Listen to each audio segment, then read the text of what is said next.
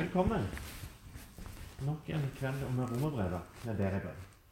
Gode Gud, takk for dagen du har gitt oss. Takk for at du er her. Gi oss visdom og hjelp til å forstå og til å se nye ting i ditt ord. Amen. Der vi begynte litt sist, var det å ta Det jeg syns er spennende med romerbrevet, det er at det, det ligger så utrolig mye i teksten. Altså, Det handler ikke bare om bakgrunnskunnskap og, eh, og tolkning. Altså, mye tolkning er det jo alltid, men, men, likevel så ligger det så mye spennende i teksten eh, som jeg syns er kjekt i forhold til det å løfte ting fram. Her var det en inndeling vi begynte litt på sist. og vi ender litt i den der første bolken på rettferdighet ved tro, som er det liksom grunnlaget for trosgrunnlaget. Eh, og så skal vi òg litt videre på livet i nåden 58.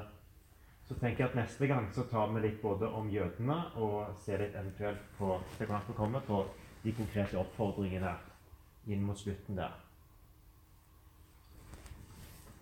Dere skal slippe å få Kahoot med mer detaljer. Men det var jo dette verset vi begynte litt med sist, som jeg har lyst til å ha med nå igjen. For jeg skammer meg ikke over evangeliet. Det er en Guds kraft til frelse for hver den som tror, jøde først, og så greker. For i det, altså i evangeliet, åpenbares Guds rettferdighet av tro til tro, slik det som det står skrevet, den rettferdige skal leve ved tro.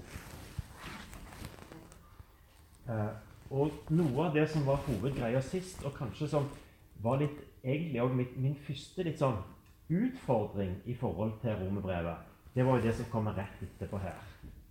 Eh, hvor han går måte fra at, kan si, at Guds rettferdighet åpenbares evangeliet. Så går han over til å si men i det så åpenbares også Guds vrede. Eh, og det er noe med det Guds vrede er så sterkt ord. Eh, at vi må liksom inn i det der for å ta tak i hva er det han er opptatt av, og hva er det det handler om. Og Det vi konkluderte litt sist, eh, det er det at eh, det er en nødvendig del av Guds godhet og kjærlighet. En godhet og kjærlighet som ikke tar et oppgjør med det onde, men bare dekker over ting, blir ingen sann godhet og kjærlighet. Og Derfor så ligger det i Når, når Paulus bruker ordet, Guds vrede, så handler det nettopp om den dommen over det onde, oppgjøret med det onde. Og det andre var det at Paulus er så utrolig tydelig på at det åpenbares på korset. Eh, og så har jeg stilt meg selv, sjøl litt spørsmålet. Og Bjørn, er, er, dette bare noe som du prøver å lese inn i teksten fordi at du vil det skal være sånn? Eh, eller er det sånn? sånn? For det er jo litt mellom tolkningene. Det, hva står, og hva er det vi ønsker å lese inn? Uh, og Derfor så måtte jeg litt tilbake til egentlig på å, å spørre meg sjøl um, er, er det holdbart? Um, og Da var vi litt innom dette her måte, om Gud er sint eller ikke. Altså, er det, for det som kommer etterpå, er en oppramsing av menneskets synder. sant vel? Eh, så Sånn sett så kan det være veldig kjapt å tenke at Guds frede åpenbares fra himmelen. Jo, det er på en måte det sinnet som Gud har over alt det gale som menneskene gjør. Uh, og så her ser dere det når jeg ramser opp all den galskapen som fins. Men det stemmer ikke med romerbrevet. Hvorfor ikke? Fordi i romerbrevet så er Paulus så utrolig tydelig. Eh, jeg skal jeg lagt den der notaten mitt på den. Ja. I 2.4 så sier han Skjønner du ikke at Guds godhet driver deg til omvendelse? Da han ramsa opp alt, sant? Romer 2.4, så sier han Skjønner du ikke at det er Guds godhet som driver deg til omvendelse? At det er Guds barmhjertighet, Guds nåde, det at han ikke lar det ramme deg. Skjønner du ikke at, det, at noe er, ville vært egentlig et rettferdig oppgjør òg med det onde hos deg? For tar noe sånn direkte. Ja. Men skjønner du ikke at det er Guds godhet, at Gud viser sin godhet, det driver deg til omvendelse? Og da aner jeg at Paulus òg i sin, når han holder på å skrive dette, her, og sånn, ser at det, kanskje han skjønner at det kan mistolkes. Eh, så Derfor så kommer det med fem-åtte. Eh, for Gud viser sin kjærlighet mot oss mens vi ennå var syndere. Og når han kommer på slutten, må det der 1-8, så sier jeg jeg er viss på at ingenting kan skille fra Guds kjærlighet. Verken engler eller krefter eller makter eller myndigheter eller synd eller nåde. Altså, det er ingenting som skiller oss fra Guds kjærlighet i Jesus Kristus. Så da tenker jeg at det, det at vi prøver å lese noe inn i Guds rede, det er faktisk viktig. Fordi at Paulus er ikke ute etter å snakke om Guds vrede som Guds holdning til oss. Gud er ikke sint på deg. Gud er ikke sint på meg. Det er ikke det han vil ha fram. Men det han vil ha fram, det er at på korset så tar Gud et oppgjør med alt onde i Jesus. Og derfor, på korset, så aner vi noe av at Guds kjærlighet og Guds godhet òg må ha et oppgjør. Og at det må det uttrykkes gjennom dette uttrykket Guds vrede eller Guds dom.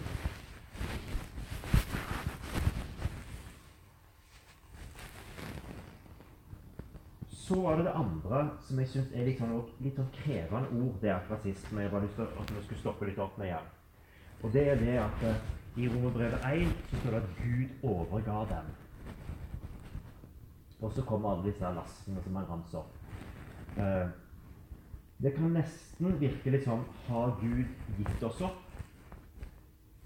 Sånn? Er det litt sånn at Gud sier vet du hva, jeg gir opp disse menneskene? Det nytter ikke. Eh, er det det som er snakk om? Nei. Eh, det er ikke det det er snakk om. Og Noe av de tingene vi var innom sist, det var det at uh, selv om ikke dette var hovedtolkningen, sånn som jeg sa sist, så syns jeg likevel at uh, Jeg syns likevel vi skal få på noe av det. At uh, det at Gud overgir, handler ikke om at man da slipper mennesket løs, men det handler litt om at det onde som mennesket gjør, får konsekvenser. Og Derfor er det litt sånn årsak-virkning i et moralsk univers, for å bruke noen ord på det. Eh, at det ligger noen konsekvenser av å bryte Guds bud som ikke handler om at Gud er ute for å ta oss, men som handler om at Guds bud er gode for oss. Og det å gå ut forbi det, det får noen konsekvenser av seg sjøl. Og Derfor så det går an å snakke om dette her helt allmennmenneskelig. Sant? Altså det, jeg kunne tatt masse eksempler på dette, her, men hvis vi tenker litt òg der, der, det går skeis, både i vår egen relasjon og når vi ser på andre, så, er det, det er mye vi kan snakke ganske sånn fornuftig om og si det er klart det får konsekvenser. Det er klart løgn får konsekvenser for en relasjon. Uh, det, det, vil alle forstå som allmennmenneskelig.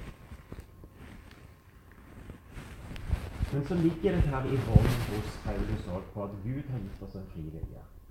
Uh, og Derfor så ligger det òg i det at Gud overgir dem uh, en konsekvens av at Gud respekterer vår frivillige. Når vi får lov til å gå vår egen vei, sjøl om det fører galt av sted av og til, så handler det noe om konsekvenser av den frivillige. Uh, en som nevnte det i til Lukas 15 og den den såkalte bortkomne sønn, eh, så viser Jesus så tydelig at det, den frie vilje her, den virker jo både i forhold til sønnen som forsvant, eller noe som gikk fra hjemmet, men òg han fra hjemme gjorde jo òg noen dumme valg. Han som var der eh, i det å ikke skjønne at, at faren faktisk var glad, glad i ham og stilte alt til, til rådighet for ham. Så det er jo egentlig han som er den største Nesten den jeg syns mest synd på når fortellingen er ferdig. Det er han som ikke vil være med på festen, men som går surmul ut forbi. Eh, og så er det noe der sant, at han òg har sin vilje.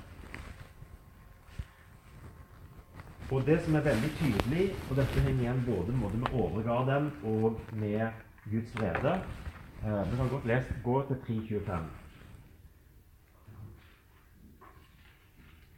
Romerbrevet 325. Og det sier han det rett og slett rett ut på slutten av det. Han begynner med han har Gud stilt synlig fram for at han ved sitt blod skulle være soningsstedet for den som tror. Slik viste Gud sin rettferdighet, for han hadde tidlig i tålmodighet holdt tilbake straffen for de synder som var blitt begått. Altså, da er litt Gud hadde holdt tilbake. Da kan vi ikke lese inn i Guds vrede og i disse konsekvensene at det er Gud som er ute etter ta. For hos Paulus er det veldig tydelig. Gud hadde straffen tilbake, men han åpenbarer det på korset. Vi kan godt lese der 3.21 til 31. Men nå er Guds rettferdighet, som loven og profeten vitner om, blitt åpenbart uavhengig av loven. Dette er Guds rettferdighet som gis ved troen på Jesus Kristus til alle som tror. Her er det ingen forskjell, for alle har syndet og mangler Guds herlighet. Men ufortjent av Hans nåde blir de kjent rettferdige, frikjøpt i Kristus Jesus. Ham har Gud stilt synlig fram for at sitt blod skulle være soningsstedet for dem som tror. Slik viste Gud sin rettferdighet for han hadde holdt tidligere i tålmodighet holdt tilbake straffen på de synder som var begått. Men i vår tid vil han vise sin rettferdighet, både at han selv er rettferdig, og at han kjenner den rettferdige som tror på Jesus. Hva har vi da å være stolte av? Ingenting. Hvilken lov sier det? Gjerningens lov? Nei, troens lov. Og vi hevder at mennesket blir rettferdig ved tro uten lovgjerninger. Er vel Gud bare jødenes Gud? Er han ikke også Gud for andre folkeslag? Jo, også for dem. For Gud er én, Han som rettferdiggjør omskårne av tro og uomskårne ved samme tro. Opphever vi da loven ved troen? Slett ikke. Vi stadfester loven. Og Det er jo er interessant at det, at troen på én Gud eh, blir på en måte indirekte en argumentasjon for at det, dette må gjelde alle mennesker. Så han har noen sånn sirkelargumentasjoner over det som er ganske så interessante løsninger på ting. Ok. Da skal vi gå videre. Nå skal dere få dere plass i lapp. Ta, altså ta en gul lapp. Eh, så skal vi få opp et spørsmål her. Ja, vet du hva, Vi tar en liten digresjon først. Eh, Guds kraft til frelse ble jo nevnt der i Romerbrevet 1,16. Eh, I Romerbrevet så er det tydelig at Paulus har primært, når han snakker om frelse, så er det primært framtidig. Rettferdiggjørelsen skjer nå, men frelsen det er framtidig. F.eks. når vi nå er blitt rettferdige ved Kristi blod, hvor mye mer skal vi ikke da gjennom ham bli frelst? Sånn? Da er det måte det fremtidige. Og så sier han faktisk òg for i håp er vi frelst. Et håp vi alt ser oppfylt, er ikke noe håp. Hvordan kan en håpe på noe hvis de ikke på det de ser? Hvordan kan noen håpe på det de ser? Så det er tydelig at i forhold til frelse så er det primært i forhold til det framtidige. Men dette er spørsmålet er mennesket godt eller ondt? Man skal ikke ha noe sånn finurlige uh, lutherske vrier på samtidig rettferdige synder. Eh, men jeg vil ha en prosentandel på 100 Hvis du skulle vurdere mennesket som godt eller ondt, eh, så begynner du med det gode. Hvor mange prosent? Og hvor mye ondt. Det er ingen rette svar, men jeg har bare lyst til å, å, sjekke litt ut her. Eh, hvis du skulle si på en ærlig ut fra mennesket, hvor mye er godt og hvor mye er vondt?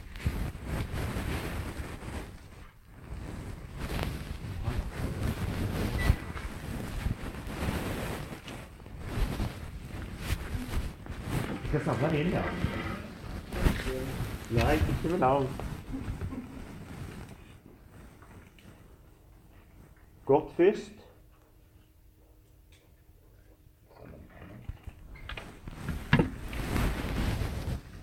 Verdenstid,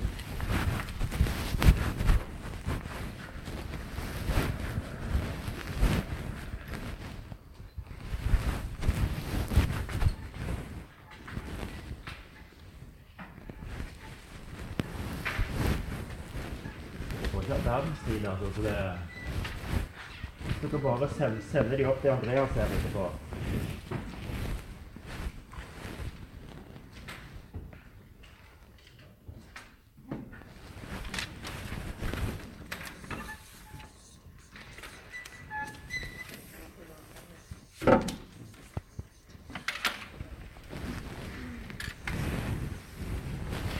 Okay, Andreas, hvis du bare begynner å lese for meg.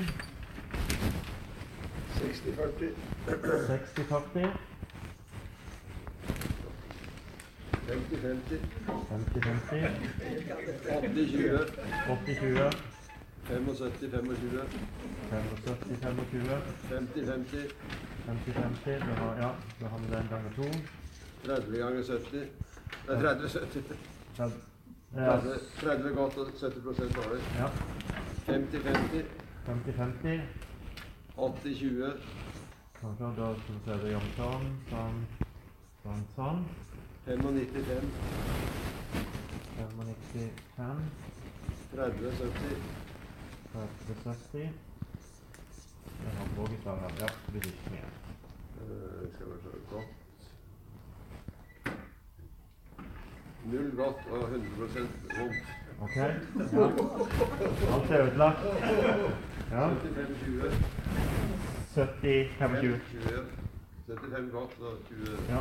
25 dårlig. Ja. Uh, eh, godt 100 og vondt 100% Ok, det får du Det 200 Det kommer lutherske, vet du. Ja.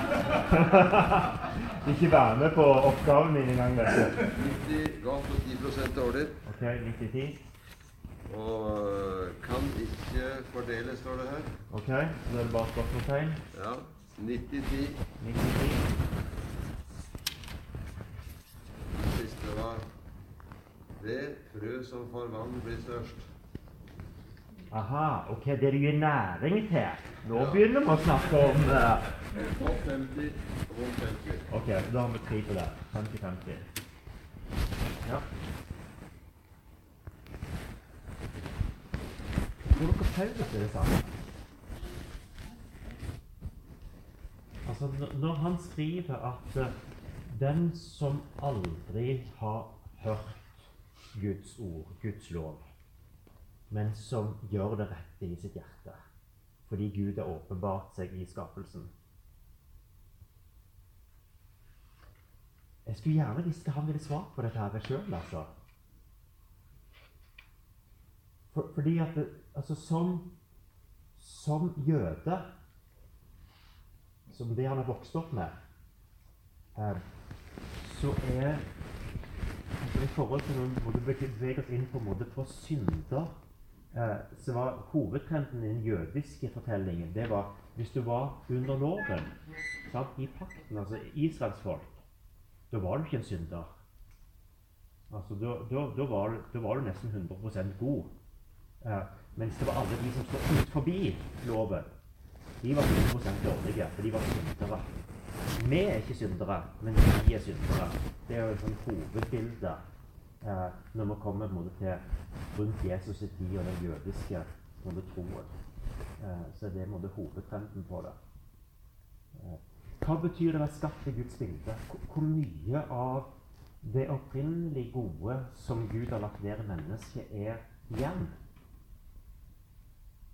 Og som noen sier, det, det går ikke an å skille det fordi at alt er preget av syndefallet. Eh, men likevel ja.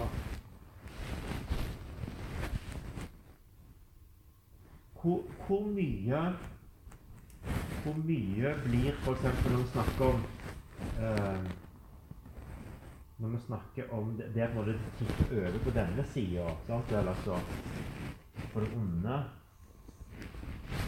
Hvor mye er en teologisk vurdering? Og da tenker jeg litt i forhold til vår manglende evne til å rette opp alt onde. Og vår manglende evne til å gjøre noe med å komme ut av den herre, at det fins noen gamle ting. Og hvor mye preges av at det er vårt syn på oss sjøl og på andre. Jeg har ikke noe fasitsvar på det, men jeg kan henge, henge litt der i, i luften. Uh. Ja, det er bra.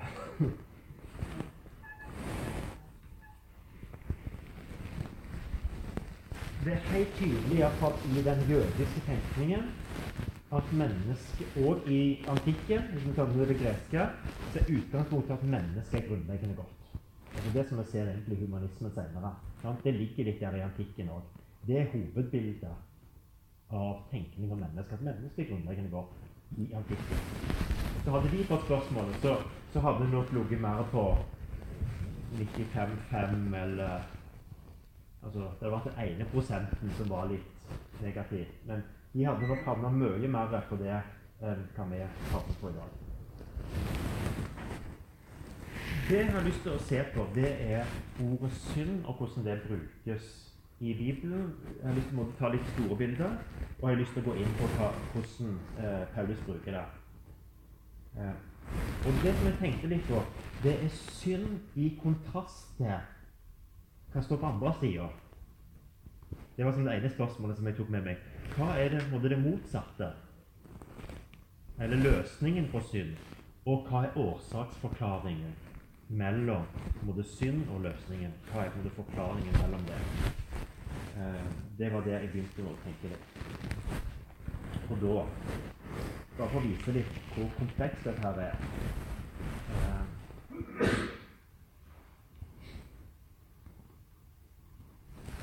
Det er bare noen av de greske ordene som brukes som synd. Hamartia, abdikia, parabasis, paraptoma, anomia. Eh, og det er enda mer komplekst når du går til Det gamle testamentet. Eh, da påstår han her, som han skrevet litt i denne Dictionary om New Testament, at eh, de to ordene som står på toppen her, det er jo de som brukes mest i Det nye testamentet. Eh, men de er til sammen en oversettelse av 37 forskjellige ord i Det gamle testamentet. Bare tenk på Isaiah 53. Han ble såret for våre overtredelser, knust for våre misgjerninger. Det aner vi bare at det, det er ikke ordet synder som brukes, men det brukes helt andre ord. Eh, men det store bildet i forhold til Gamle testamentet handler om at det handler om synd og skyld. De henger veldig tett sammen eh, i bildet. Men når vi kommer til Nytestamentet, så er det ganske krevende å få et oversikt på det. Og nå viser jeg ikke det her, men hvis du gjør en lite bibelsøk altså Bare gå på bibel.no og bibelsøk og velge f.eks. enten ta hele NT, eller du velger ut deler av NT, så er det faktisk sånn at statistisk eh, så er synd og synder og synder eh, ganske marginalt greia i Matteus, Markus og Lukas. Det, det, er ikke, det er ikke noen sånn viktige ord i det som kalles for de synoptiske evangeliene. Eh, det er egentlig to eh, grupper av skrifter der vi ser at dette blir en stor sånn, teologisk gjennomtenkning. Og Det er hos, hos, Paulus og det er Johannes. De er de som går dypest inn i det.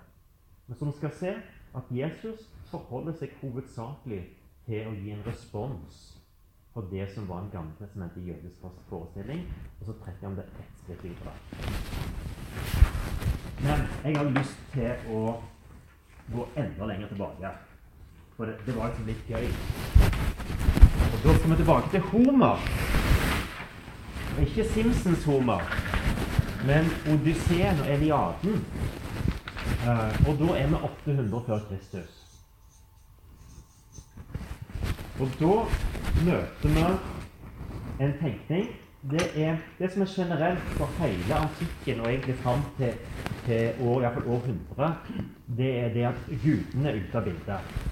Altså alt det som handler om synd. Og nå, nå tar jeg måte, det hovedordet, hamartia, hvordan det blir brukt som begrep opp igjennom. Uh, og det er det begrepet som er hovedbegrepet hos Paulus. Uh, det er brukt 137, 173 ganger i Det nye testamentet. Uh, og ca. halvparten av de er hos Paulus. Og en god del av de er hos Johannes. Uh, Hamartia hos Homer. Eh, det er der vi har det begrepet 'bomme på målet'. Som dere sikkert har møtt i noen andakter. Det er på en måte opprinnelsen av bruken av hamartia. Og det kan òg oversettes med 'ta feil'.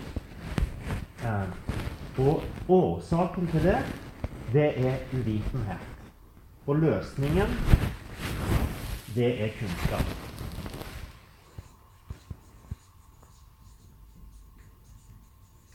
Det er menneskets ulitenhet som gjør at de tar feil og bommer på målet. Men gjennom å få kunnskap så kan du bøke med uvitenheten, og så kan en finne veien videre. Så beveger vi oss til 400 før Kristus, til Aristoteles. Eh, skal vi se hvor vi skal skrive dette her. for at det blir... Nei, vi, glemmer det. Vi skriver, vi skriver. Dere husker årtallene. Eh, Aristoteles han, Når han bruker hamartia, eh, så er han opptatt av én ting, og det er for, forholdet mellom urett og uhell. Forsettlig, uforsettlig drap. Hvis du tenker sånn. Altså, hva er eh, menneskets bevisste valg? Og hva er menneskets dumme valg, eller uhell, som skjer? Det må Aristoteles opptatt av når man snakker om anarkia. Eh, han er tydelig opptatt av menneskets indre. Eh, og Det ser vi f.eks.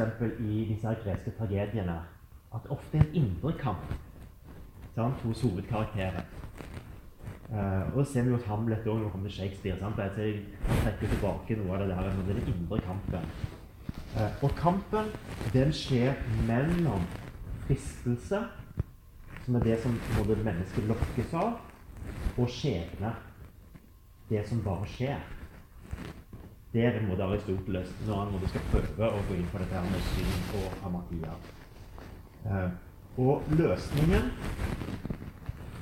eh, Det er altså Målet hans er lykke. Og han sier at veien til lykke det er å ha en god karakter. Eh, og så sier han at eh, løsningen er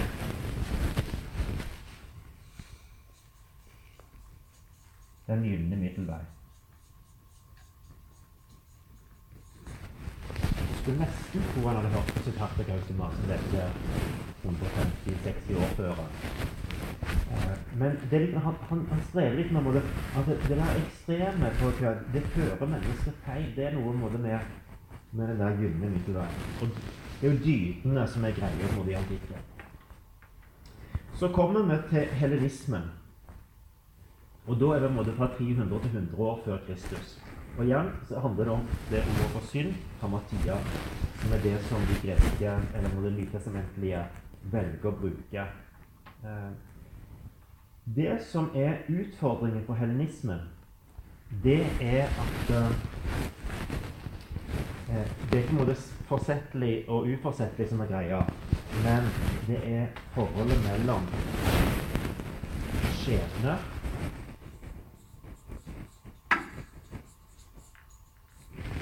og um, Som jeg kaller det på en måte Jeg, jeg skriver gnosis, jeg. Så kan jeg forklare det. Det som er kampen, det, det er egentlig å forstå det i motsetning til to andre store grupperinger. På den ene sida så hadde du en, en sånn utrolig sterk skjebnetro. Eh, og så sier, sier de andre som er kjemper mot det Men skjebnetroen tar jo mennesket sitt ansvar. Eh, så, så er det noe feil der. for Hvis vi snakker om synd, hvis vi bare skal snakke om det som skjebne, og at alt er forutbestemt, eh, hvor blir mennesket oppi det? Hvor blir menneskets ansvar oppi det? Så Det er den ene tingen de strever med. Og det andre er at du får i hele antikken, altså egentlig både før Kristus og etter Kristus, eh, masse mysteriereligioner. Men veldig sånn streng dualisme der det der guddommelige i oss er fanga i denne, syndige eh, kroppen. Du har et guddommelig gnist i deg som er når du ikke prega av noe galt eller noe synd i det hele tatt. Og så blir det en veldig egentlig sånn, litt sånn lukka samfunn eh, som skal finne ut av eh, veien ut av dette her synd og, og, sånn. Så der er både der de, der de kjemper. Det Løsningen som de har på det, da, det er det at de, de henter opp den, den igjen at det må være både rett forståelse Forståelse, men det òg må være rett handling.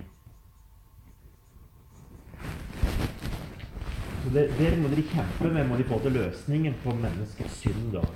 Det er det der med at det, det handler noe om å forstå sammenhenger, men det handler òg om at dette må få praktiske konsekvenser i menneskets valg, menneskets handlinger. Menneskets handlinger og gode handlinger er med å forme mennesket for at det blir et bedre menneske. Og dermed klarer å kjempe over synd. Da har vi den eh, store bakgrunnen. Eh, og som jeg sa i stad, at i hele denne tenkningen så er mennesket grunnleggende godt. Det er utgangspunktet. Så skal vi til GT. Eh, og det som er det spesielle med GT, eh, det er egentlig så kontrasten her Hvis du sier Unnskyld. Det er på den andre sida som står utfart.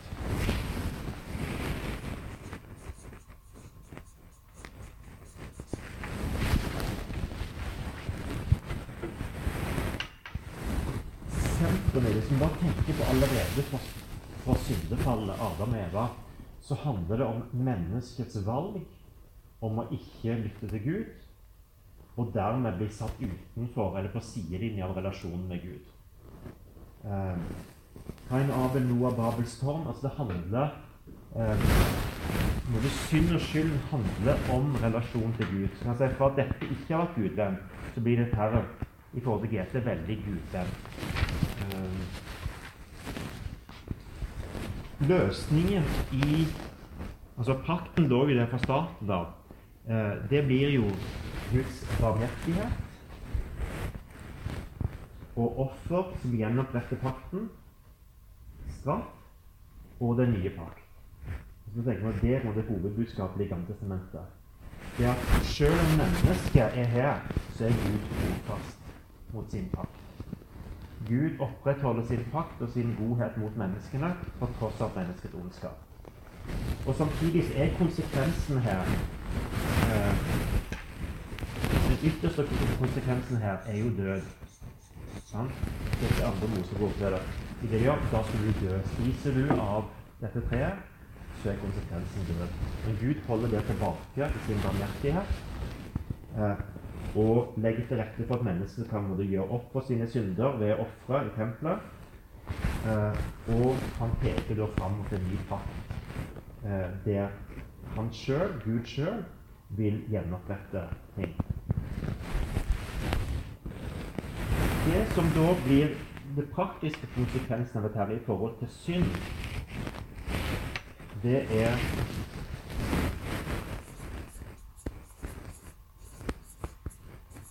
det er utroskap mot mennesket utro mot Gud som på sin skaper. Eh, og dermed så er og det, I det utroskapet så ligger det veldig tydelig at løsningen er gjenopprettelse av relasjon. Han taler om gjenopprettelse av relasjonen til Gud. Og det andre er at det handler om Guds bud, bud altså ulydighet mot Guds bud, der løsningen blir lydighet.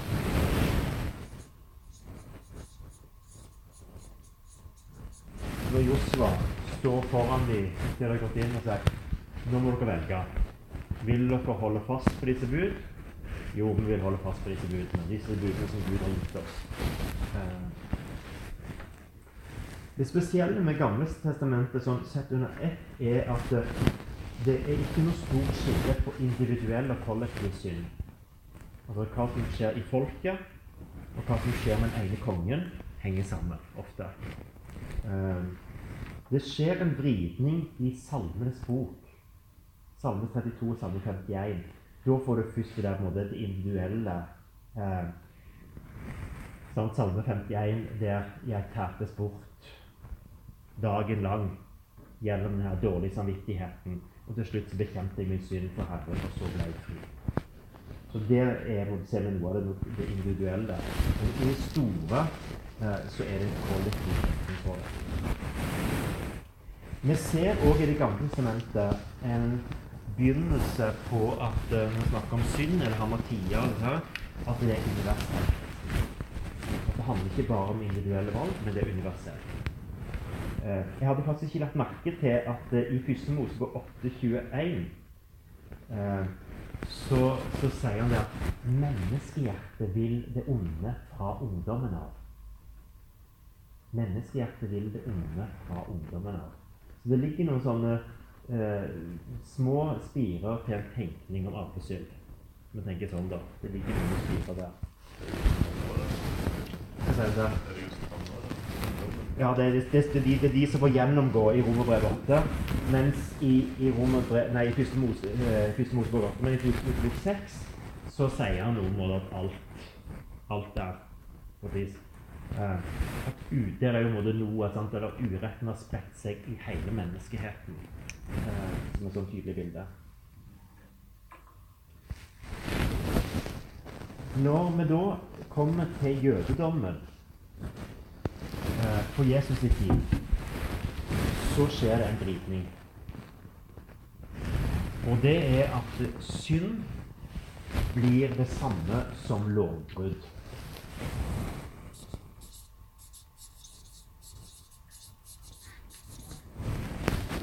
Du, du har det jo i de ti òg, men det som er greia, det er det at en lager et system av regler som er mulig å holde. Så det skjer egentlig en vridning mot, mot det overflatiske, sier jeg. At det blir menneskets mu... Altså, en, en, jøde ser ikke på seg sjøl som synder, uh, men ser på seg sjøl uh, eh, som, som, god, uh, og at det er mulig å holde budene. Og tanken er jo det at når jødene som folk holder Guds bud, så vil Messias komme. Det er liksom tenkningen rundt det. Løsningen på da lovbrudd, det er offer og renselse. Men poenget er at du må være jøde, eller bli jøde. Det er den eneste veien. Og så er det renselse som må stikke på løsningen. Det er veien.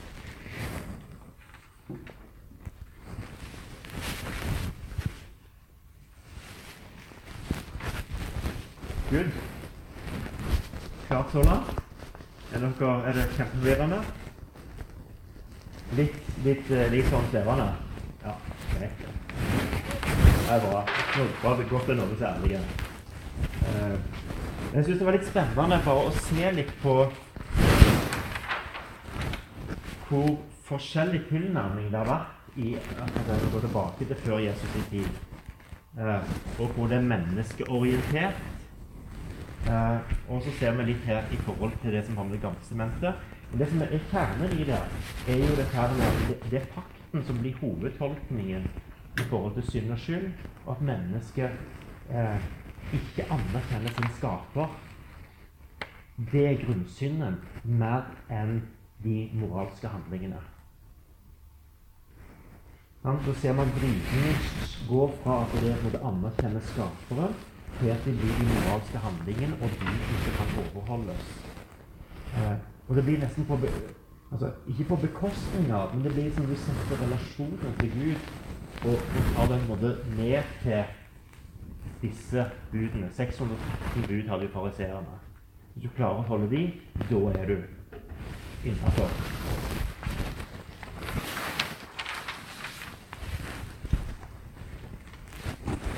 Det jeg da fant i forhold til eh, NT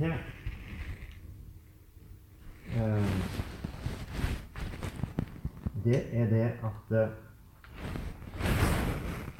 når Jesus snakker om synd, eh, så er det alltid retta mot Gud og mot nesten, altså våre medmennesker.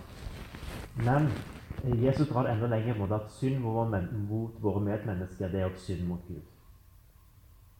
Altså det du har gjort mot en av mine minste, det har du gjort mot meg. Det du ikke har gjort mot en av disse mine minste, det har du også gjort mot meg. Uh, så Jesus tolker alt egentlig mot Gud når han måtte snakke om synd eller amatører. Uh, Det andre er at uh, Jesus bruker egentlig det som da har vært vridningen i jødedommen. Uh, det er at uh, når han bruker synder, så er det stort sett flertall. Og det går på det individuelle. Og veien, løsningen, hos Jesus er jo tilgivelse.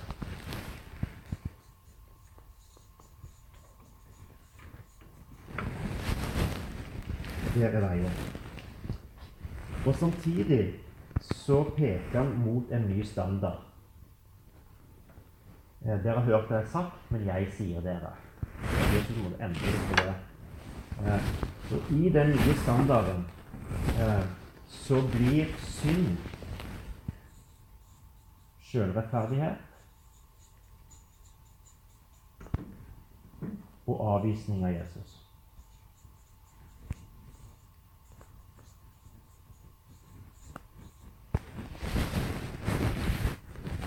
Derfor er både Jesus neste kritikken går mot fariseerne, sjørettferdigheten. Fordi jødene tenker at de var rettferdige, de andre var syndere.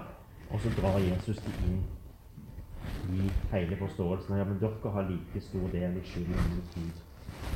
Eh, og veien blir omvendelse.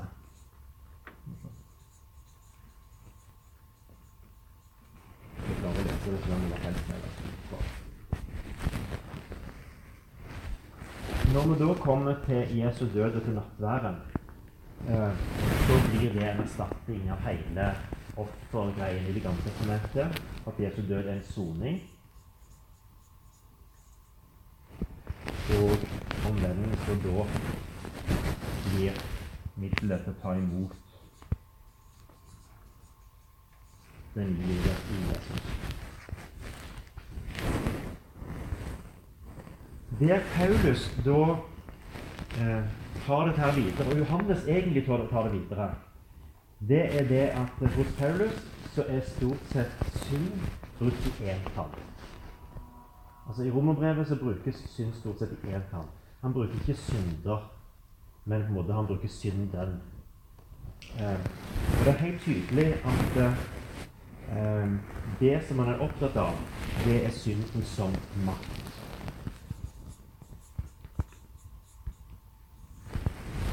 Det er det der å være bundet av, ikke være fri. Men synden er en kraft, en makt, som kontrollerer oss.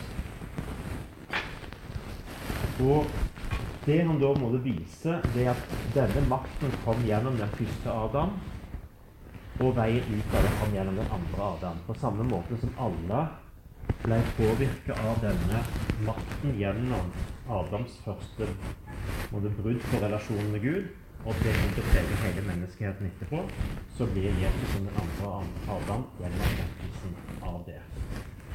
Eh, så veien ut av den makten, det er en ny frihet.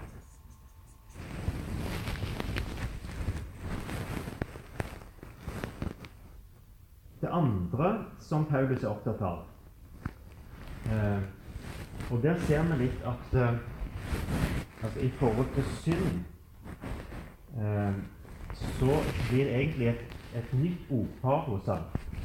Eh, vi kan bruke sjølrettferdighet, rett, Guds rettferdighet. Jeg tror vi må ha med det. Eh, sjølrettferdighet eller rettferdighet ved gjerninger. Rettferdighet ved tro, Guds rettferdighet. Og det andre ordparet han bruker, det er løgn, sannhet. Altså sa, samme, samme argumentasjonen som man på en måte snakker om rettferdighet, så snakker han også om sannhet. At mennesket lurer seg sjøl ved å ikke anerkjenne at de er syndere og trenger Guds nåde gjennom troen på Jesus. Eh, og Derfor så blir sannheten det å anerkjenne at de trenger det. Det blir veien ut av det. Så går han da i forhold til vårt ansvar videre når han snakker om synd, i forhold til det å leve i ånden. Så der blir det, Han er, som sa, i der, fram til 4-25 så er det måte vårt, vår relasjon til Gud som er hovedgreia. Og så går han videre hva betyr det for vår relasjon til hverandre og for det å leve det nye livet. Så da er han mer for på denne, til denne siden på et vis. Eller vår, vår greie. Eh, bare kort om Johannes. Johannes er den som sier det tydeligst eh, når han sier synden er at de ikke tror på. Synden, I Johannes 16, 5, så sier han veldig tydelig synden er at de ikke tror på Jesus. Så synd, det er vantro. Og veien ut av det er tro.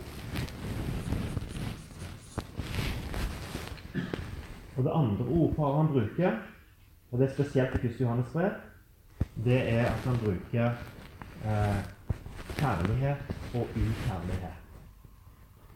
Og det å ikke vise kjærlighet, det er synd fordi at Gud er kjærlighet. Og det å vise kjærlighet blir en måte eh, eh, å gjenspeile Guds kjærlighet.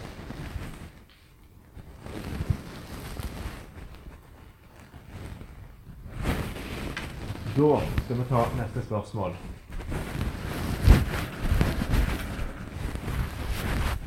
Jeg syns er et en, en hovedspørsmål i forhold til romerbrevet her.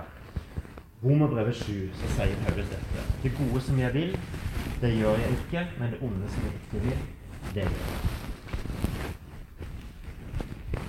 jeg. Er dette et kristent menneskesyn, ifølge Paulus? Forskerne har diskutert dette her opp i mente. Og jeg husker Karl Olav Sandnes var min NT-lærer på Misjonsskolen og hadde undervisning om romerbrevet. Eh, han sa det at det, er umulig å tenke seg at en jøde som Paulus skulle ha sagt dette her om seg sjøl og en kristen. En kristen som har fått Den hellige ånd, kan ikke leve i denne stemningen. Det var på en måte hans konklusjon når han leste teksten. Eh, men jo mer jeg leser teksten, og når jeg måtte kikke på det nå òg, så tenker jeg hvordan er det mulig å komme utenom det?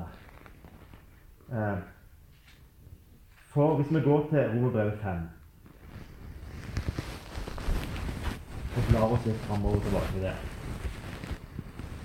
så er han opptatt av at uh, dette står fast. sant?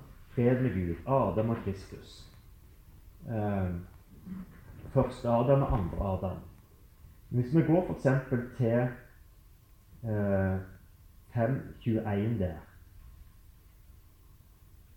og da er vi litt der med Guds kraft til frelse.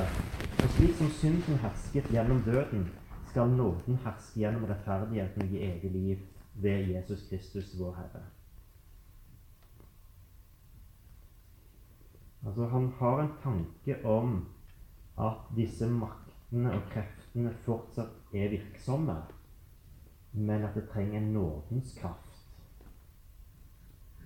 for å takle den spenningen som vi lever i. Det er sånn måte jeg tolker eller leser litt der. Sant? Altså syndens krefter, nådens kraft. Og så fortsetter han da. Hva skal vi da si? Skal vi fortsette å synde så nåden kan bli enda større? Slett ikke. Det sier han ganske mange ganger i Romerbrevet. Hvordan kan vi som døde bort fra synden, fremdeles leve i det? Hvordan kan vi som døde bort fra synden, fremdeles leve i det? Eller vet dere ikke at alle vi som ble døpt til Kristus Jesus, ble døpt til hans død? Vi ble begravet med ham, da ble vi døpt med denne dåpen til døden. Og som Kristus ble reist opp fra de døde ved sin fars herlighet, skal også vi vandre i et nytt liv.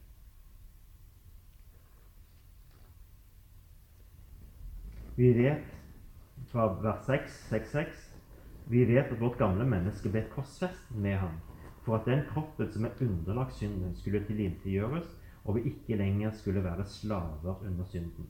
For den som er død, er befridd fra synden. Er vi døde med Kristus, tror vi at vi også skal leve med ham. Hva sier han her? Sier han det at uh, dette er gjort opp og ferdig, uh, og derfor er vi ferdig med den kampen? Egentlig så skulle vi gjennom dåpen bli måtte, totalt rensa og løfte opp til et nytt liv, sånn at den spenningen i Romerbrevet 7 den gjelder ikke oss.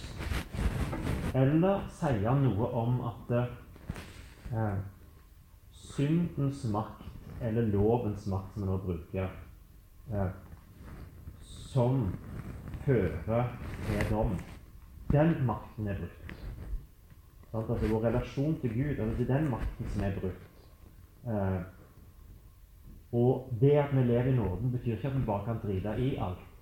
Eh, men eh, Men han sier ikke, tenker jeg, at vi er ferdig med det.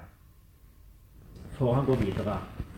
Eh, når du går når du blar om det på, på, på sida her, til 6.12, så sier han la oss ikke synden herske i den dødelige kroppen deres, så dere følger kroppens lyster, og still ikke lemmene deres til tjeneste for synden, men våpen for urett. Um, altså, det er bare så tydelig at det er noen krefter her som virker, og at mennesket er ikke helt overlatt til seg sjøl. Uh, men uh, vi har en kamp å kjempe òg etter at vi er blitt rettferdige for Gud uh, i kapittel 4 og 5, for å si det sånn. Og så bruker han noen bilder da, kan si, i kapittel 7. Der bruker han dette her med at hvis den, hvis den ene ektefellen dør, så er ekteskapet avslutta. Hvis noen dør, så blir arven gjort opp. Altså Han bruker måte bildet det der hva som skjer i døden. Eh, og så tar han det videre og sier at vi skal regne oss som døde i Kristus. Og vi skal regne oss som levende. Altså, det er måten vi skal tenke om oss sjøl. Eh, og så kommer da eh, dette med i kapittel 20, der han begynner å diskutere litt. Jeg forstår ikke hva 2015, for jeg forstår ikke hva jeg selv gjør. Det jeg vil, det gjør jeg ikke, og det jeg avskyr, det gjør jeg. Hvem skal fri meg fra denne dødens kropp, sier han i 724.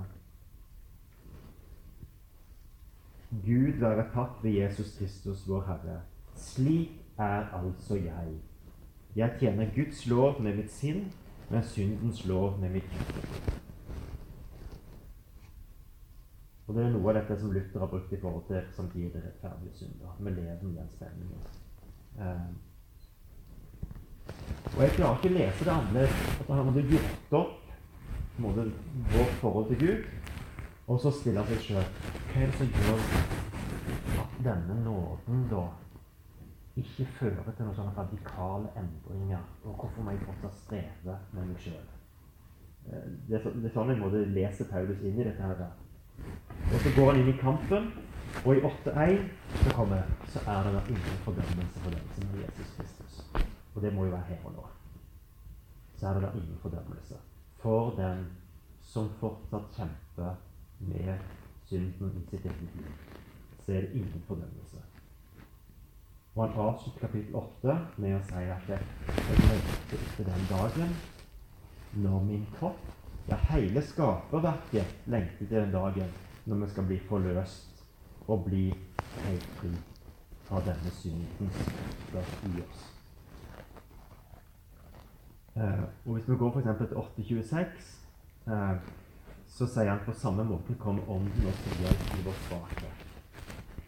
Hvis kapittel 7 hadde handla om måte, sånn at han så for seg sjøl før eh, Hvorfor skulle han da begynne å fortsette med en sånn samtale om vår svakhet i kapittel 8? Eh, er Gud for oss, hvem er da imot oss? Han som ikke sparte sin egen sønn, men ga ham for oss alle, kan han gjøre noe annet enn å gi alt sammen med ham. Og så avslutter han da med Ja visst, at ingenting kan skille oss av Guds kjærlighet i Kristus Jesus. Og det er det siste han sier når han skal avrunde vårt forhold til Gud, som er gjort opp ved Guds soning på korset. Og vi får lov til å ta imot dette i tro. Vi lever i denne spenningen eh, mellom det nye og det gamle. Men vi har fått Den hellige ånd, som gjør igjen bare la merke til vers her i 8.15. Dere har ikke fått den ånden som slaven har, så dere igjen skulle være redde.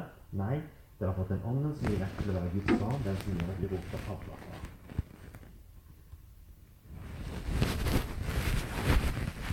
Et lite sideblikk på samvittighet. For han er litt opptatt av samvittigheten.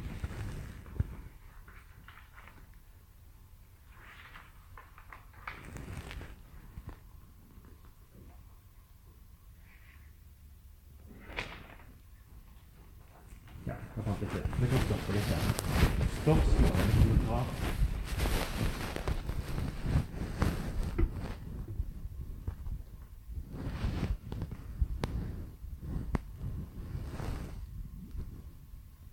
Ikke balansegang mellom synd og forlatelse, men altså litt som det der temaet at uh, altså det on- onde og gode i en selv. Mm. Altså, det jeg ikke vil gjøre, det gjør jeg. Men samtidig uh, veldig fokus på, på uh, inte fordømmelse heller. Ja. ja. Så det er av de mer menneskelige bibelbøkene, så å. I forhold til å kjenne seg igjen. Okay. Det er det som jeg syns er så flott, at, eh, at han, han våger å ta det fra det teologiske inn i det der erfaringsverdenen vår her og nå. Og hvis, hvis Paulus har skrevet hebreerbrevet, så går han enda lenger ned i forhold til vi har ikke en øverste press som ikke kan være medlidenhet med oss i vår svakhet, men som er prøvet i alt uten synd. Men det hele veien tenker jeg at denne øverste presten som har gått inn og gjort soning for våre synder, han har også full forståelse for den kampen vi står i, for han har vært menneske av kjøtt og blod. Så det, det, er, det er en utrolig sånn omsorg egentlig for oss i det, som står i denne kampen. Um, Og Johannes tar, tar det jo egentlig så langt når han tenker samvittigheten at selv om hjertet vårt fordømmer oss 1. Johannes 3,20, så er Gud større enn vår egen til vår egen hjerte. Altså, og da sier jeg at vi kan komme til der at vi, begynner å forakte oss sjøl eh, og stå i denne kampen. Men vit en måte sjøl om du ikke klarer sånn følelsesmessig å holde fast på at Guds kjærlighet rommer alt dette, så skal du vite at Guds kjærlighet er større enn din egen selvfordømmelse. Eh, jeg er veldig glad for at vi har, har de tekstene som tar det så langt. Og ikke bare sier at ja, det er gjort opp med Gud. Ja. Og det er nå greit nok, det. Men det er nok godt å vite litt at man forstår den verden vi lever i. Ja. Det er jo også sagt, at hvis det nå bare alt er bare oppgjort, så er det nesten et nyere nå igjen. For da kommer det bort den der um, Altså det der at jeg klarer det sjøl. Mm. Det er jo bare sant. Men, Ja. men så er den der altså Den kampen er jo den som opp må holde oss igjen og igjen. Mm. Det er at vi trenger den. Ja. Så når den forsvinner, og vi liksom på en måte alt allerede ferdig, da blir vi fort igjen. tenker. Og det er der han bruker dette uttrykket at loven er en pedagog. Paidagogos på gresk. Loven er en pedagog til Kristus. Og ved loven lærer vi synden å kjenne, og det driver oss til Kristus, behovet for hans liv. Altså det som du peker på der. Ja. Eh, fordi at det, det er veldig opptatt av at eh, det er ikke bare sånn at Gud forkaster det som har vært. Altså, han må finne en mening i Det gamle testamentet òg. For det kan ikke være sånn at nå kommer Jesus, og så, så bare raderer han ut hele Det gamle testamentet. Han er veldig opptatt av at det, det må henge sammen. Eh, og det er noe den sammenhengen prøver å dra i romerbrevet. Mm. Ja vel, har dere endra syn på godt og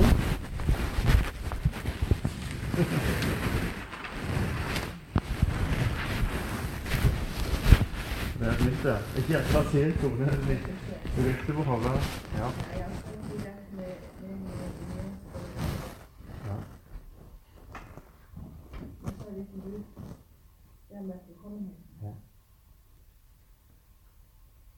Det er det. Men jeg tror jeg tror så, Midt i alt dette som Paulus skriver, så, så tror jeg at han i grunnleggende sett har ganske stor tro på mennesket.